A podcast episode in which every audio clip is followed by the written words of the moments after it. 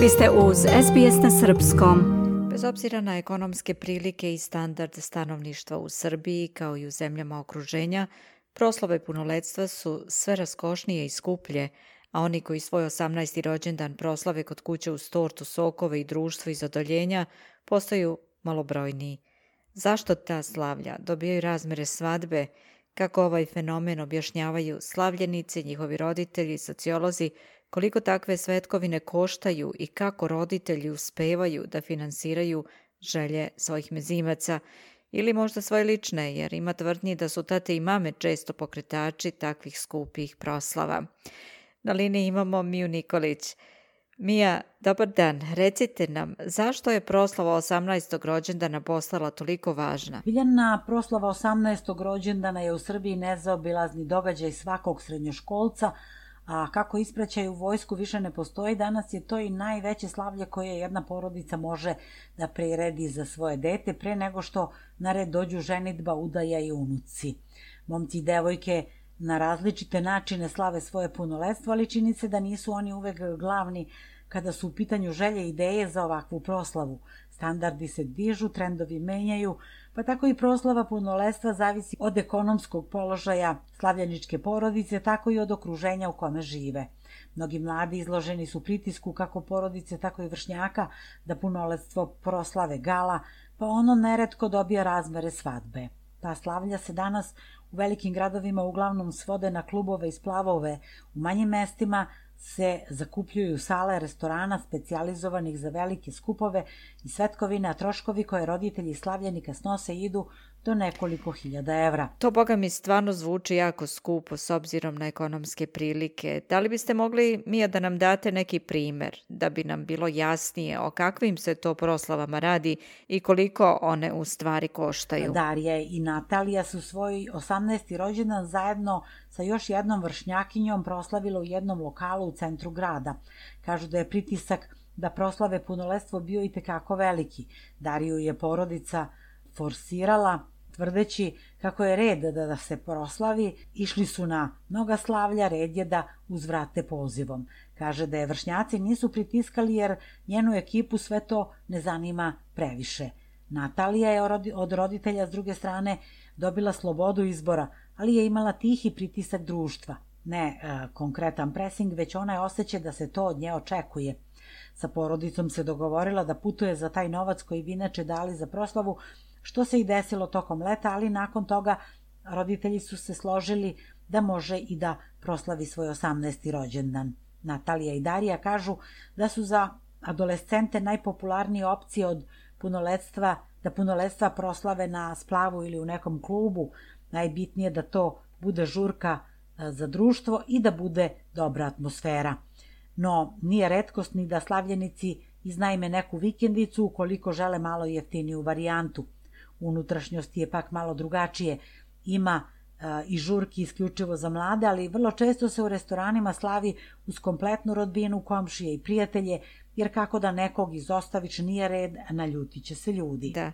Mija, na šta se toliko novca troši? Da li je to samo zakup prostora recimo ili neki dodatni troškovi na to? Catering i piće se često plaćaju odvojeno od iznajmljivanja lokala, a uz to dolaze i troškovi muzike, fotografa, a ako do devojaka, frizera, profesionalnih šminkera, manikira.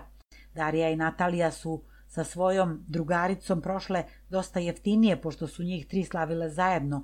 Njih je ova proslava izašla između 1000 i 1500 evra, a pojedine troškove sračunale su tek na kraju rođendana, kao na primer piće koje je dodatno naručivano. Kažu da, što se tiče troškova njihovih vršnjaka, tu ima različitih brojki. Jedna njihova drugarica je iznajmila vilu na dva dana za nekoliko hiljada evra, ali takvi slučajevi su ipak ekstremni. Naglašavaju da pored svih tih izdataka ne treba smetnuti suma troškove koji dolaze pre same proslave kao što je izgled slavljenika za najbitnije veče. Ja sam bila na rođendanima koji su okvirno koštali do 3-4 hiljade evra, što mislim da je besmisleno dati za jedno veče.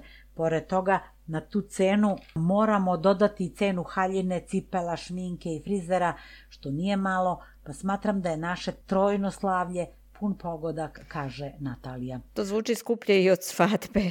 Da li roditelji imaju te sume ušteđene ili se zadužuju? U tekstu skupoceni 18. rođendan punoletstva kao svadba, vreme podsjeća na protokol da slavljenice tokom večeri promene nekoliko različitih haljina i cipela. Jedna toaleta za goste dok se slikaju, druga za tortu, treća da se devojka prosto osjeća ugodno dok džuska i pleše uz muziku. A Portal Espresso u članku pomama za što skupljom proslavom punoletstva roditelji dižu kredite zbog 18. rođendana, prenosi reči jedne majke koja kaže da Čerka poslednjih godinu dana svaki drugi vikend ide na rođendane. Ne može veli da joj to zabrani kada je celo društvo tamo, ani da dozvoli da svima ide, a onda i da njih sve ne pozove na svoju proslavu.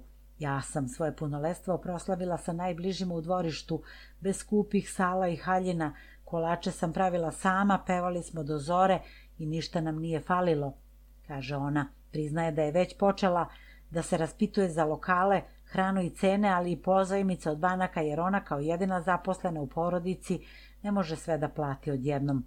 No kaže i da deca ne shvataju da nismo svi isti i da su punoletstva čerkinih imućenih drugarica za njihove roditelje bila mali trošak, a ona će svoj otplaćivati ko zna koliko meseci. Ali dodaje da ne može dozvoliti da se njena devojčica izdvaja i da za takve stvari mora biti novca. Pa koliko se to dugo može izdržati, mislim na takav trend i proslave i zaduživanja. Koliko će ovaj trend trajati i koji će ga sledeći zameniti, nemoguće je predvideti, ali sigurno je da svako vreme ima statusne simbole, e, to su bili satovi, automobili, telefoni, a sada i raskošne proslave punoletstva. Stručnjaci kažu da je očigledno da živimo u doba kad se promovišu pogrešne vrednosti kao što su atraktivnost, senzacionalizam i fenomenalnost u smislu fizičkog izgleda. Mladi, koji lako prihvataju sve, prihvate i tu atraktivnost, te imaju potrebu za različitim načinima eksponiranja, a to im nameću i pojedini mediji, navodi profesor Đukić. Biljana? Hvala Mija. Toliko za danas. Bila je to naša saradnica iz Srbije, Mija Nikolić. Ja sam Biljana Ristić. Želite da čujete još priča poput ove? Slušajte nas na Apple Podcast, Google Podcast, Spotify ili odakle god slušate podcast.